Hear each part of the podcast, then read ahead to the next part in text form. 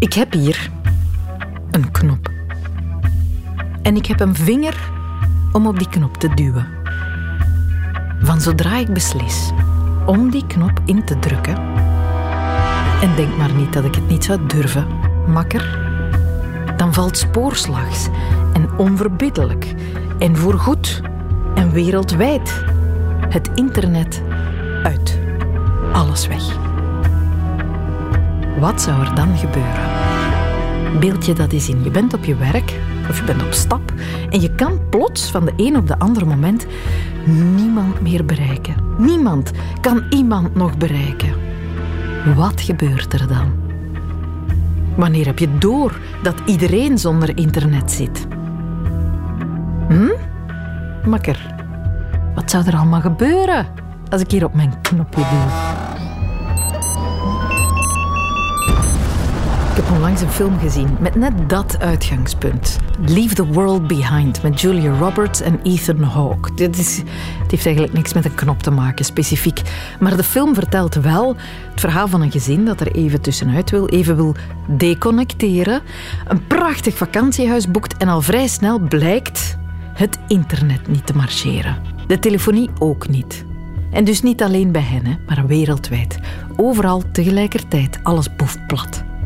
Ik kan niet te veel spoilen, mochten we hem willen zien, maar ik kan wel veilig zeggen, want het zat in de trailer, dat de wereld heel snel in één grote chaos terechtkomt. Één puinhoop, waarin het binnen de kortste keren ieder voor zich is. Maar dat is een film. Dat is fictie, dat is verzonnen. Dus zetten het mij wel aan het denken. Stel je nu voor. Stel je nu voor dat dat echt gebeurt. Wat zou er dan echt gebeuren met de wereld? Welkom in de wereld zonder internet.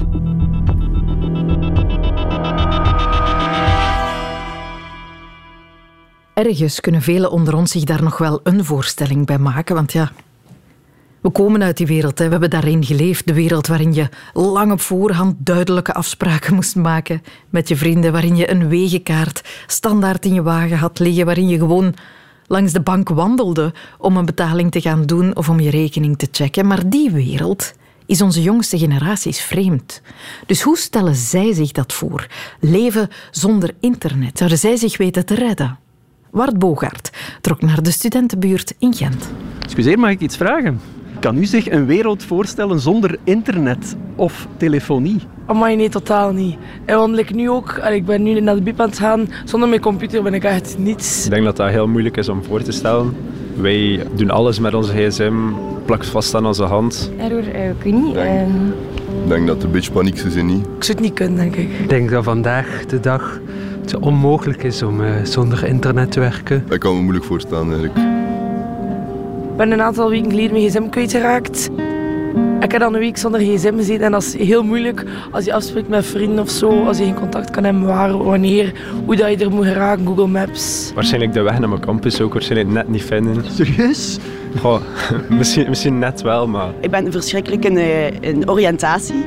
Dus, uh, ja. Dat zeggen velen hier, uh, dat ze de weg niet zouden vinden. Ja, dus, dat is gemakkelijk. Hè. Je stapt in die auto, je moet naar Brussel rijden, je zet je wijs aan en je weet direct waar dat je moet zijn. Mensen kiezen altijd de, de makkelijkste weg en ik denk dat internet gewoon een makkelijke weg is om uh, je leven gewoon gemakkelijk te maken. En ik denk dat daarom is dat iedereen zo snel daarmee overweg is kunnen gaan en zo afhankelijk eigenlijk ook ervan is geworden. Ik zou niet weten hoe dat ik op borden, aan, allee, aan de hand van borden in Brussel zou moeten geraken.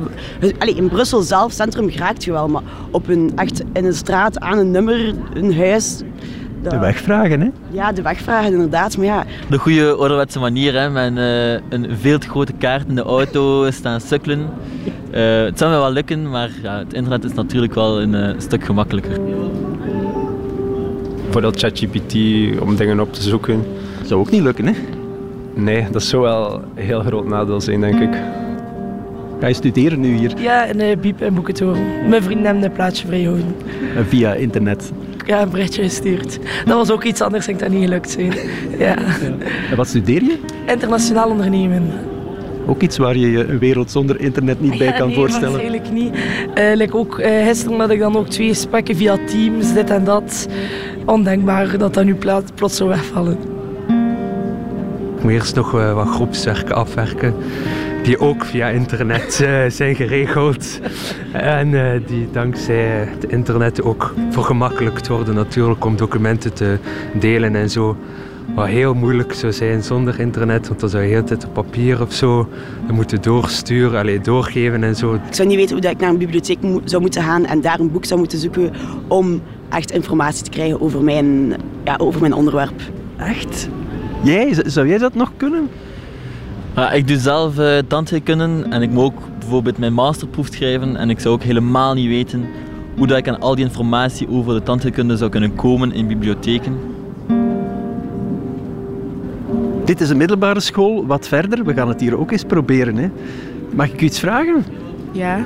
Stel je eens voor, een wereld zonder internet, zonder telefonie. Nee, ik kan het echt niet voorstellen. ik kon het niet voorstellen. Je wil je het niet voorstellen? Nee. Internet is mijn leven en ik zou echt heel verdrietig zijn als internet zo opeens weg zou gaan.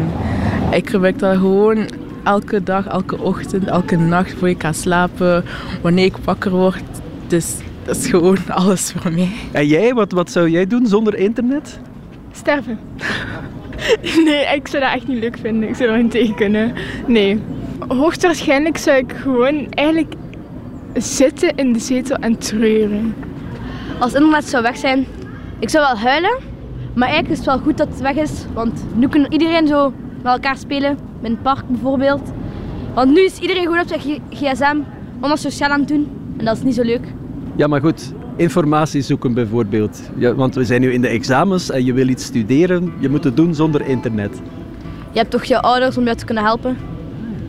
Maar je ouders hebben al school gehad, dus ze kunnen jou helpen met alles. We worden voortdurend geprikkeld met de gsm en zo. Zou het misschien soms een beetje beter zijn om eens wat rustig te kunnen worden zonder uh, heel de tijd op internet te kunnen gecontacteerd worden? Goh, ja, als ik geen internet zou hebben, zou ik eigenlijk gewoon mijn, mijn, uh, mijn fiets pakken of mijn auto pakken en eigenlijk gewoon naar allemaal verschillende vrienden gaan. En gewoon à l'improviste, hoe dat we het zeggen, een keer overal langs gaan. En ik zie me dat wel zeker doen. Dus zelf als ik voor de deur sta, bel ik niet meer aan. Ik bel naar die persoon bij je thuis. En dan komt hij open doen. De bel gebruik ik zelf niet meer eigenlijk.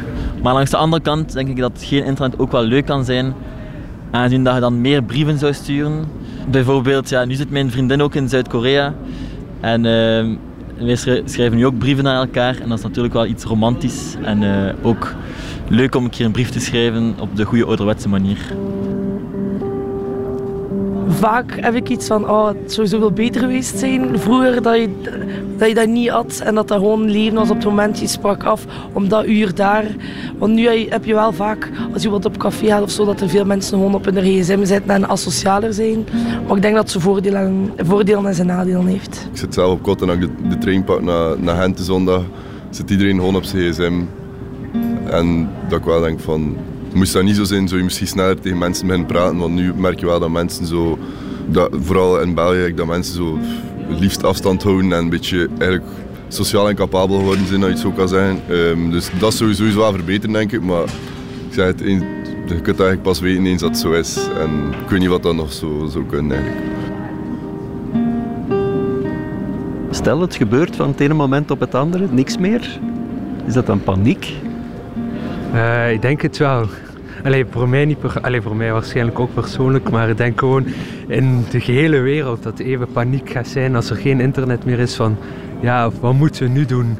En hoe moeten we dat communiceren naar iedereen van er is geen internet meer. Dus ja, gaat iedereen terug naar de kranten, naar de tv, naar de radio terugschakelen, denk ik. Maar ik denk dat er uh, slimme mensen genoeg zijn om dan het internet weer snel terug te krijgen, denk ik. Dus ik denk dat dat iets is dat nooit meer weg gaat gaan, eerlijk gezegd. Error.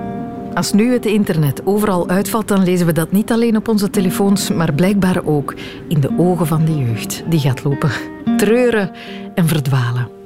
Maar goed, dat zijn onze eerste reacties. Op den duur zouden we allicht inderdaad met elkaar gewoon beginnen babbelen en ons er wel overheen zetten en aanpassen, neem ik aan. Hoop ik. Maar stel nu hè, dat ik hier nu op mijn knopje duw, waar mogen we dan echt ons aan verwachten? Wat zou er concreet allemaal gebeuren in die eerste momenten? Maarten Wijn is professor communicatietechnologie verbonden aan de Universiteit van Antwerpen en IMEC neemt ons mee naar een wereld zonder internet. Stel dat morgenochtend het internet wegvalt, zal ik waarschijnlijk wakker worden met een enorm irritant geluidje van Sonos dat mij probeert wakker te maken, in de plaats van Radio 1 die mij normaal gezien om kwart voor zeven wakker maakt. En oké, goed, dan ga ik wat geïrriteerd wakker worden. Op dit moment ga ik nog niet echt door dat er iets echt mis is. Ik ga ongetwijfeld mijn gsm nemen en merken dat daar geen mails zijn binnengekomen. Dat er geen berichten van de VRT of de uh, Tijd-app zijn binnengekomen. En dan ga ik mij toch eens afvragen, wat is er juist mis? En dan ga ik waarschijnlijk online proberen te zoeken van wat is er juist mis en merk van dit werkt niet. Dan ga ik eerst denken van, oh, de wifi ligt weer plat. Uh, met een operator, er is iets mis mee. En waarschijnlijk ga ik in die gedachte nog wel even verder. Totdat ik dan onderweg naar het werk wel ga merken, hier is, hier is wat meer aan de hand. Ook gsm gaat wegvallen. Dus je gaat uh, nog wel kunnen bellen normaal met een vaste lijn, maar de vraag is hoeveel mensen hebben er nog. Maar gewoon een gsm-netwerk is in de achtergrond ook verbonden via het internet, dus dat lukt ook niet meer. Je komt je ochtend nog wel door, dat is geen probleem. Dan ga je naar het, uh, naar het werk met de fiets of te voet of, of misschien met de trein. De trein wordt ook een uitdaging, want ja, uiteraard heel die communicatie, wanneer een trein aankomt, waar moeten verder, dat gebeurt ook allemaal via het internet.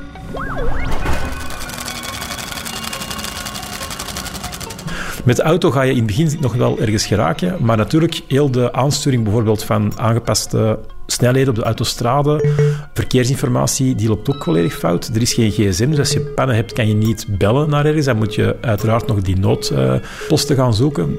Maar dan kunnen ze misschien ook weer in die takeldienst opbellen. Dus ook daar een chaos, denk ik. Dan wil je misschien smiddags op het werk. Uh, ja, op het werk, werk. Kunnen wij nog wel werken zonder internet tegenwoordig? Dat vraagt mij ook wel af. Ik niet alvast. Ik denk dat heel veel mensen uh, het internet continu nodig hebben. Maar dan wil je misschien naar de winkel. En ik denk dat dag één zal de winkel nog wel goed bevoorraad zijn. Maar natuurlijk, heel de logistieke keten daarachter, ja, die is ook verbonden. Hè. Dus wanneer er bepaalde items op zijn in de winkel, dan moet dat doorgegeven worden. Dat doen we uiteraard via gsm of via internet of via systemen die via het internet verbonden zijn.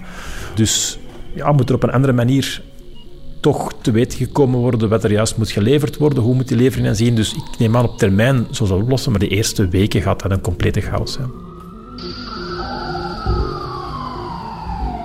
Onze, ons gsm-netwerk valt weg. Gelukkig hebben de hulpdiensten een eigen netwerk, het Tetra-netwerk, om eigenlijk net dat tegen te gaan. Te zorgen dat eigenlijk politie, brandweer, spoeddiensten, dat die niet afhankelijk zijn van het gsm-netwerk dat wij allemaal gebruiken. En dat zij een eigen dedicated netwerk hebben, net om niet afhankelijk te zijn. Uh, wij die naar de hulpdiensten moeten bellen, dat is dan weer moeilijker uiteraard. In principe blijft je GPS bijvoorbeeld van je auto wel werken. Google Maps bijvoorbeeld kan je niet meer gebruiken, want dan ga je verbinding nodig hebben met internet om die map op te halen. Maar de satellietsystemen blijven wel signalen sturen bijvoorbeeld. Er zijn heel veel systemen die, die uiteraard een, een, tweede manier hebben om te communiceren. Als je bijvoorbeeld een vliegtuig neemt, de verkeersleiding tussen de verschillende torens zal niet meer kunnen communiceren, maar een verkeersleiding zal altijd wel rechtstreeks met een vliegtuig kunnen gaan blijven communiceren. En die gaan nog altijd weten waar ze zijn. Zolang dat bijvoorbeeld ons communicatienetwerk vanuit satellieten blijft werken en ook lokalisatie mogelijk is, dan denk je dat er heel veel systemen zijn die perfect nog op een veilige manier kunnen landen, veilig manier kunnen aangestuurd worden. Ziekenhuizen kunnen op zich wel blijven werken zolang er elektriciteit is. Maar natuurlijk, de, de bevoorrading van medicijnen, maar ook van organen, van bloed en zo verder, die communicatie valt ook weer weg. Dus ook daar denk je dat, dat systemen die op zichzelf kunnen blijven werken, die kunnen blijven werken, maar de communicatie met de buitenwereld wordt veel moeilijker. Er gaat veel meer miscommunicatie zijn, er gaan zaken veel te laat zijn. Maar los daarvan denk je dat onze economie ook wel een probleempje gaat hebben. Want ja, bankverrichtingen zijn niet meer mogelijk. Alle grote communicatiesbedrijven is niet meer mogelijk. Uh, dus daar ga je sowieso wel, wel, wel, wel last van hebben.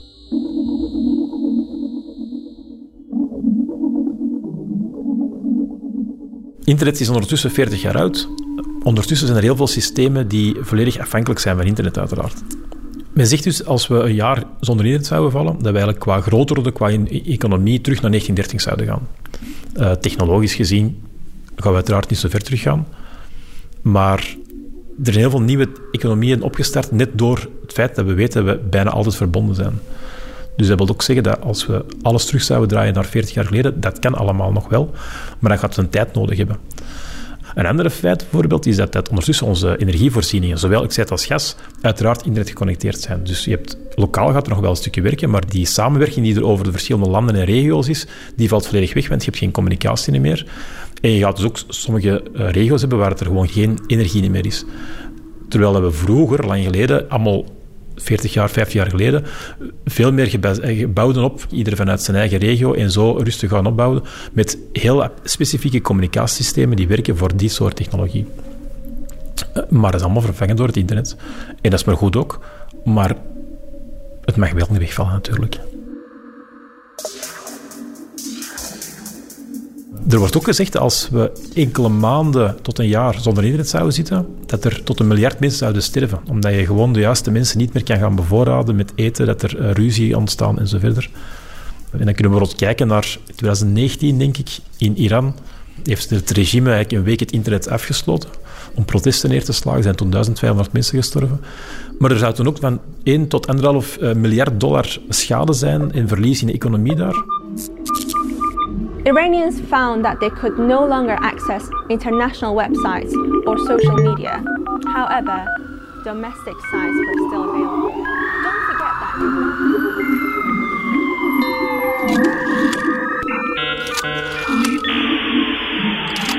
that. Ik denk dat dat wel kan. Hè. Als, als je gewoon zegt van, van je persoonlijk leven uh, zonder internet, ik denk dat mijn kinderen gaan er meer moeite mee hebben. De frustratie dat die te veel tijd op TikTok uh, doorbrengen, heb ik dan al niet meer, want dat kunnen ze niet meer. Die gaan toch wel even terug moeten nadenken van wat kan ik eigenlijk allemaal zonder het internet. Een tof een boek lezen is een perfecte oplossing natuurlijk.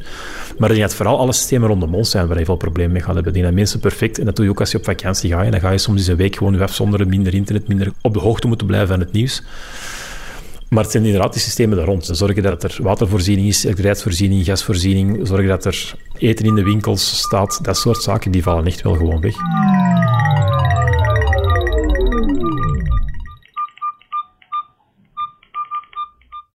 Hoe zou de wereld klinken als er geen internet meer is? In het begin chaos, gelatenheid en daarna misschien wel even rust. En dan denk ik terug een beetje aan de de moment dat we met COVID allemaal thuis zaten en de mensen elkaar allemaal op straat tegenkwamen als ze wandeling aan het doen waren, we wel een stukje vrede gaf, minder gehaastheid, dus alles een beetje trager, maar toch ook wel veel frustratie, denk ik, omdat er een aantal heel vanzelfsprekende dingen er niet meer zijn. Wat er dan meer getoeter bij de auto's gaat zijn of minder getoeter, dat kan ik zo niet zeggen. Misschien terug meer uh, rinkelende fietsbellen. Het uh, weer gaat uiteraard hetzelfde zijn, maar we gaan niet meer op voorhand weten of het gaat regenen of de zon gaat schijnen. Dus je gaat je misschien wel meer mensen die verrast gaan roepen van oei, het regent. Oei, waar is mijn paraplu? Of van oh, het regent niet. De vogels gaan altijd hetzelfde fluiten. De koeien gaan altijd hetzelfde loeien. Dus ik denk dat er op dat gebied gaat er niet veel veranderen. Netflix zien of een film zien, dat is uiteraard geen optie meer. Uh, de vraag is dan, ja, als je echt nog een film wilt zien, wie heeft er nog een dvd thuis liggen? Dat zullen er ook niet heel veel mensen meer zijn. We gaan alvast meer naar elkaar toe moeten gaan. Ik trap mijzelf dat ik af en toe naar mijn zoon bel op het tweede verdiep, in plaats van gewoon naar boven te gaan, omdat je na vijf keer iets te melden waar je dat niet doet, toch wel beus bent om naar boven te gaan. Uh, maar vooral mensen gaan meer terug met elkaar rechtstreeks moeten praten, sowieso.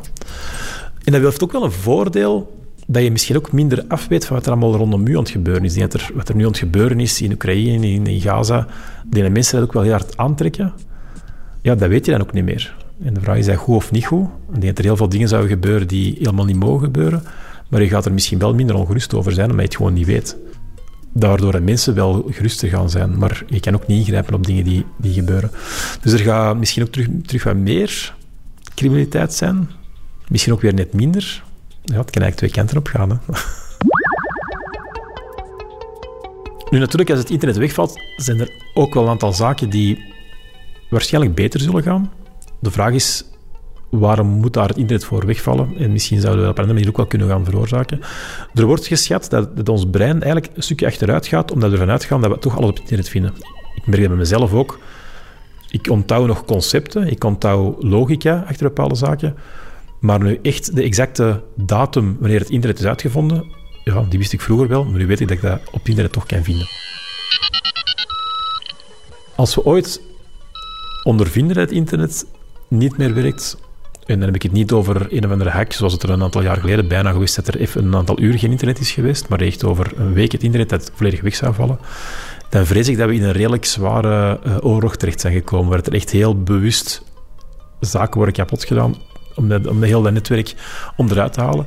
Dus ik hoop dat we dat nooit moeten ondervinden. Want dan denk je dat we recht, dat, er, dat gaat niet gewoon door een misselijke fout zijn, dat gaat niet door een toevalligheid zijn, dan is echt wel heel bewust dat dat gebeurt. Laat me stellen dat ik het liever dan niet ondervind. Want dan zijn er andere ergere dingen waarschijnlijk aan de hand. Dan heb ik toch maar liever dat alles vlot verloopt.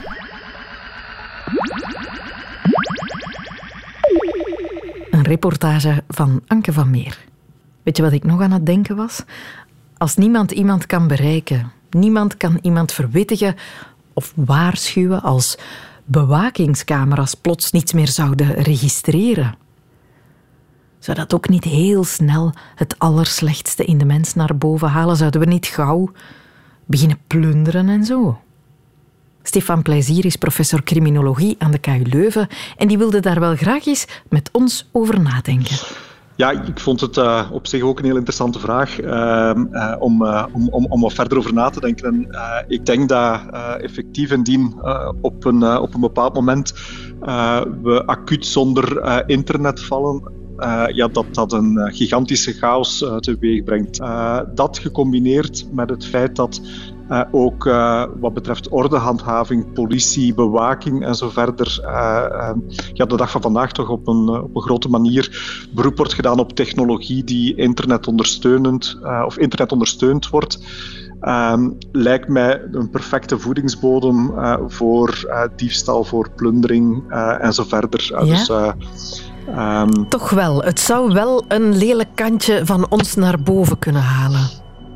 Wel, in de criminologie verwijst men dikwijls naar de, de gelegenheidstheorieën. Hè. Dat, dat gaat erover dat je uh, wanneer op een, bepaald, op een bepaald moment er een afwezigheid is van, uh, van controle, uh, er een gemotiveerde dader aanwezig is en een aantrekkelijk doelwit aanwezig zijn. En die drie elementen samenvallen, ja, dat de kans, de kans op criminaliteit dan stijgt, dat, dat is bijna een evidentie. Uh, en in die context van het wegvallen van het, uh, van het internet uh, lijken mij die drie elementen absoluut aanwezig. dus de kans dat de criminaliteit stijgt is bijna een vanzelfsprekendheid. Anderzijds, er zou ook een pak criminaliteit, ik denk aan de cybercriminaliteit, in één klap opgelost zijn. Ja. Wel, dat, dat was mijn uh, eerste originele insteek. Hè. Wanneer we kijken naar de evolutie in de laatste twee decennia, uh, dan zie je eigenlijk dat uh, omwille van die gigantische groei van het internet, van sociale media en zo verder, dat er een soort verschuiving is opgetreden van de klassieke offline criminaliteit naar, naar online criminaliteit, cybercriminaliteit. Denk aan, aan cyberpesten, online fraude, phishing en zo verder ja, die uh, markt, uh, voor uh, die nieuwe markt die is ontstaan en die opportuniteiten biedt voor, voor criminelen, die zou op dat moment natuurlijk ook instorten. Dus dat we zeggen dat die vormen van criminaliteit niet langer, niet langer mogelijk zijn. en dus in dat opzicht is het verhaal wel wat genuanceerder dan wat ik daar juist zei.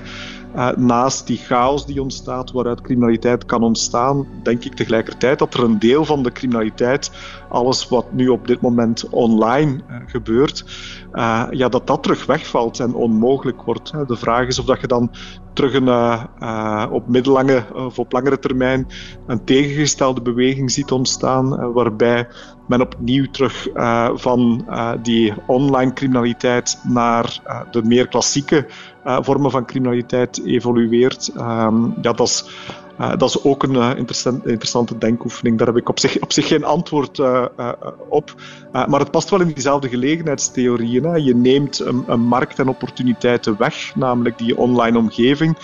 Ja, dan zie, zie je in de geschiedenis van de criminologie en het bestuderen van de criminaliteit dat er eigenlijk altijd sprake is van verplaatsingseffecten. Men zoekt andere wegen uh, om, uh, ja, om uh, die criminele activiteiten verder te zetten.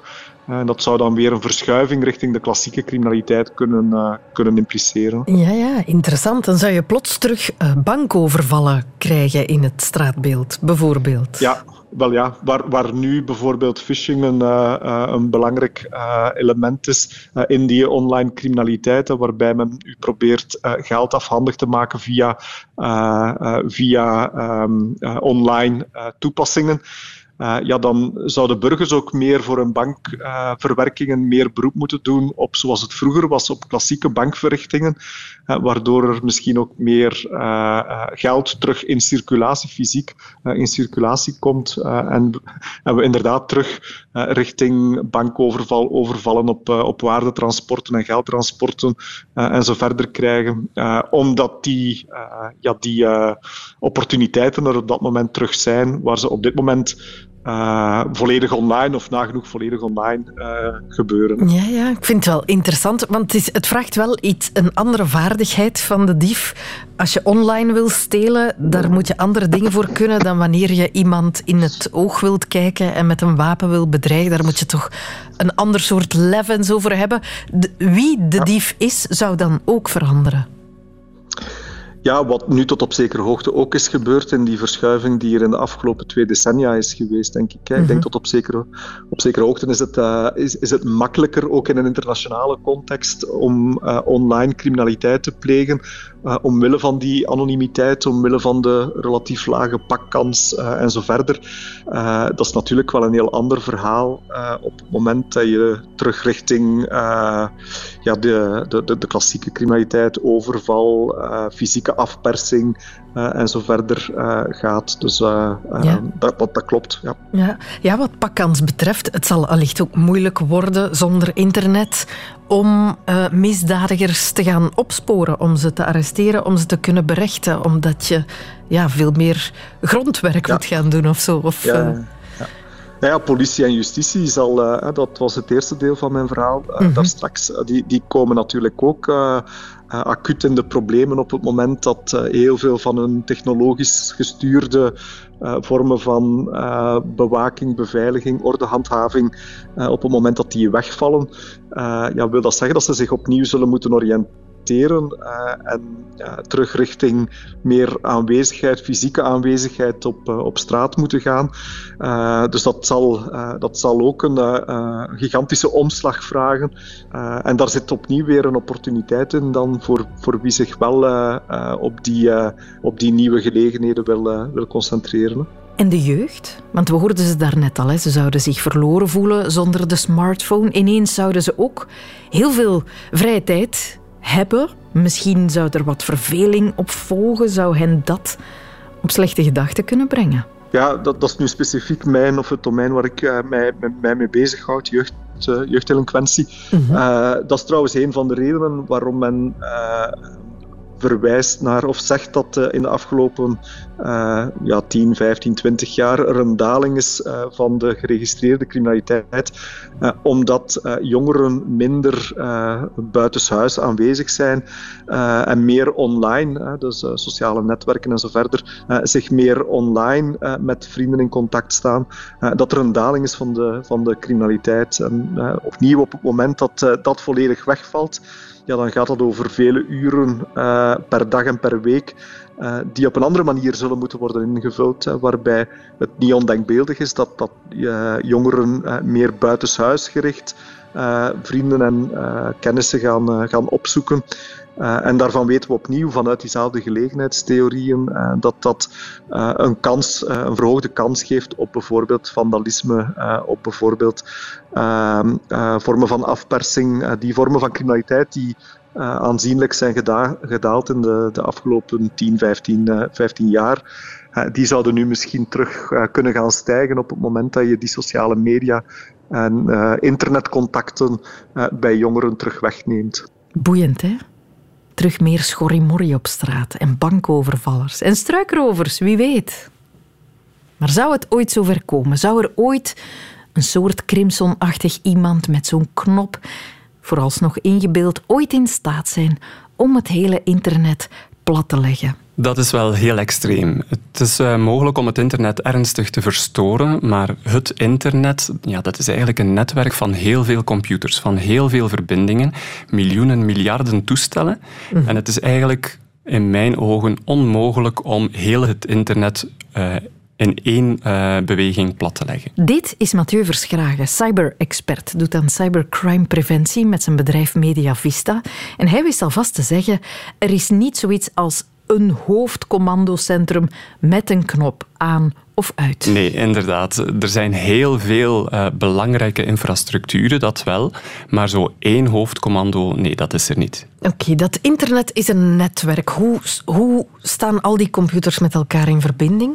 Eigenlijk is dat zoals onze internetverbinding thuis. En eigenlijk gaan wij dus verbinding maken met onze internetprovider, die dan in verbinding staat met andere providers, met uh, grote ruggengraten van het internet eigenlijk.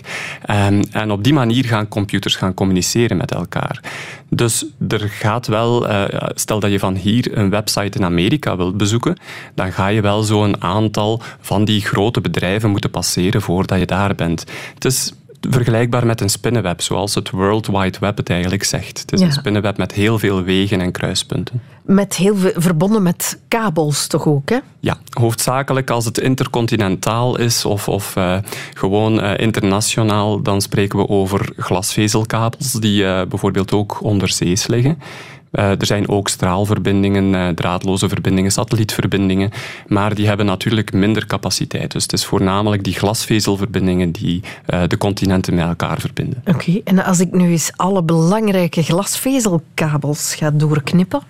Als dat uh, zou kunnen, je moet ze eerst al weten leggen. Uh, het is ook niet zo gemakkelijk om erbij te komen. Maar stel dat het toch gebeurt dat er een belangrijke verbinding onderbroken wordt door uh, sabotage, dan is het altijd wel mogelijk om omwegen in te stellen. Eigenlijk net zoals dat er een, een weg onderbroken ligt, dan gaan we ook een omleiding gaan volgen. Het kan even duren voor die omleiding er is. En het kan natuurlijk ook langer duren om op, om op je bestemming te geraken. Maar er kan wel voor een omleiding uh, gezorgd worden, ook online. Ja, er zijn geen uh, acht hoofdkabels of zoiets die alles zullen beheersen en bepalen. Het gaat over honderden, duizenden, miljoenen ja, kabels. Er zijn er superveel en het is ook niet zo dat er maar één kabel bijvoorbeeld van uh, Amerika naar Europa loopt. Er wordt eigenlijk gezorgd voor een redundant systeem. En redundantie betekent dat je eigenlijk uh, noodoplossingen hebt, dat je eigenlijk parallele wegen hebt die ervoor zorgen dat die verbinding toch gegarandeerd wordt. Ja. Ik heb wel al eens gehoord van uh, belangrijke datacenters waar heel veel informatie bewaard wordt. Ja. Als we nu eens al die datacentra gaan aanvallen. Ja, ook die zijn heel goed beveiligd. Al, ik heb geen plannen, hè, voor alle duidelijkheid. Ik wil dit niet, hè, maar ik beeld het me even in. Ja. ja. Nu, uh, om die als, uh, als particulier te gaan benaderen of als groepering te gaan benaderen, is het heel moeilijk om daar binnen te geraken. Bijvoorbeeld een datacenter van Google in België, daar geraak je zelfs als Google-werknemer niet gewoon binnen. Dat is heel sterk beveiligd. Uh, en wij hebben er zo een. Wij hebben een aantal datacenters van verschillende bedrijven, van verschillende grote internetspelers hier in België. In Europa zijn er uh, een aantal verspreid, uh, eigenlijk over heel de wereld. En het is ook zo dat die datacenters, als er één zou uitvallen, dat er altijd systemen gezocht worden om dat te kunnen overnemen. Dus het is niet zo dat als er één wordt aangevallen, dat we sowieso alles kwijt zijn. Oké, dus dat is ook geen optie. Uh, ander idee. We verwoesten het van binnenuit via cyberaanvallen gaan we het internet zelf aanvallen? Ja, dat is al vaker gebeurd dat er massale cyberaanvallen waren. Bijvoorbeeld dat er uh, vanuit uh, bepaalde landen een gecoördineerde aanval is. Ze drukken eigenlijk figuurlijk gezien op een knop en dan gaan allerlei geïnfecteerde computers uh, van over heel de wereld massaal veel informatie sturen naar één bedrijf naar één website, naar één systeem. Waardoor, zoals de ticketsystemen voor concerten, uh, ja, als daar heel veel bezoekers op terechtkomen, dan vallen, die ook, dan vallen die ook tijdelijk even uit. Die systemen worden niet beschadigd op zich, in eerste instantie. Maar het zorgt er wel voor dat het uh, ons erg lastig gemaakt wordt. Dat die uh, systemen dus tijdelijk onbeschikbaar uh, zullen zijn door een overbelasting. Ja, dus je kan het systeem overbelasten op die manier, maar niet stuk maken. Ja, stuk maken, dan ga je echt al moeten gaan hacken in de systemen. Nu is er uh, steeds meer aandacht voor beveiliging van computersystemen. Er is een nieuwe Europese richtlijn, NIS 2, die ervoor zorgt dat alle kritieke infrastructuren, ziekenhuizen, banksector, overheid enzovoort, dat die aan bepaalde eisen moeten voldoen van uh, beveiliging. Zodanig dat de aanval van binnenaf, uh, dus het hacken in het systeem en dan verder systemen gaan saboteren, stuk maken, dat dat veel moeilijker moet gaan. Dus in dat opzicht is het uh, heel moeilijk om echt iets helemaal kapot te maken op dit moment. Ja, je hoort uh, wel geregeld van regimes die het internet aan banden gaan leggen of tijdelijk gaan blokkeren. Uh, Israël heeft Gaza al verschillende keren het internet ontnomen. Uh, of ze gaan gewoon specifiek bepaalde platformen afsluiten. Hoe pakken regimes dat aan? Eigenlijk gebeurt dat in België ook. Uh, in België gaat men op een andere manier te werk. Bijvoorbeeld uh, Save on Web, verbonden aan het Center for Cybersecurity in België, gaat ook bepaalde websites blokkeren. Als blijkt dat dat voor criminele doeleinden is, als er phishing links of zo gestuurd worden. Um, dus het gebeurt in alle landen, alleen zijn er bepaalde regimes die echt gaan zeggen: kijk, wij willen geen invloed van bepaalde westerse platformen, omdat die uh, tegen de propaganda binnen die regimes gaan werken. Dus zij kunnen eigenlijk op nationaal niveau wel bepaalde uh, wegen gaan afsluiten. Dat wordt dan gedaan via het DNS-systeem. DNS is eigenlijk, als je naar een website surft, een soort van vertaalsysteem dat zegt je moet naar die computer, naar die server, hoofdcomputer gaan, om die website te kunnen bezoeken. En die banden gaan ze dan even doorknippen. Dus op die manier gaan ze toch de invloed van westerse cultuur gaan reguleren, gaan afsnijden of gaan uh, beperken. Ja, maar ook alweer het volledige internet wegnemen, dat lukt niet zomaar voorgoed. Het zou kunnen op nationaal vlak. Als ze ja. echt uh, alles dichtdraaien, dan gaan ze het zich alleen zelf ook heel moeilijk maken, omdat natuurlijk ook overheden afhangen van het internet. En er zijn dan de noodoplossingen van bijvoorbeeld Elon Musk uh, met zijn satelliet-internetverbindingen, uh, die eigenlijk op elk moment ook kunnen dat ontplooid worden. Die heeft um, in Oekraïne ook ingegrepen, hè, toen daar het ja. internet even bedreigd was. Ja. Via Starlink terug voor internet gezorgd. Klopt. Hij heeft inderdaad een aantal uh, satelliettreinen uh, rond de wereld vliegen.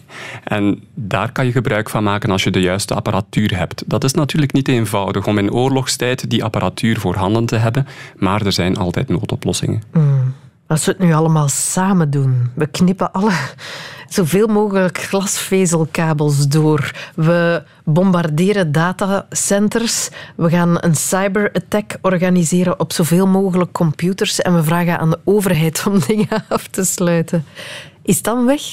Dan gaat het toch wel lastig worden. Maar om dat allemaal op één moment te doen, ja. ja. hoe ga je afspreken met iedereen ter wereld om op één moment die aanval te gaan doen? Van zodra dat er verbindingen worden doorgesneden, kan het zijn dat je eigenlijk je andere aanvallen uh, ook in de problemen helpt. Ah ja, dat je bijvoorbeeld, als je een bombardement wilt uitvoeren, ja, daar zijn ook internetgestuurde of datagestuurde raketten voor nodig van zodra dat je zo'n kabel gaat doorknippen, heb je daar ook al een probleem. Dus het kan ons knap lastig gemaakt worden, maar echt zeggen van geen internet meer, dat is toch wel bijzonder moeilijk.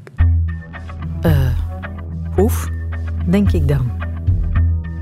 Daarmee kunnen we met gerust hart heel dit fantasietje van de knop en de vinger afsluiten, want het internet kan niet kapot. Maar wacht, ik heb een nieuwe knop. Nieuwe knop in gedachten. En als ik daarop duw, Wacht, wacht, nog niet afzetten. Het is boeiend. Dus als ik daarop duw, dan vallen plots iedereen zijn kleren af. Iedereen is ineens super bloot. Wat zou er dan gebeuren? Hè? Beeld je dat eens in, toch? Dat is toch een leuke denk... Allee! Allee, dat is toch tof? Allee. Oké, okay, niet dan, hè.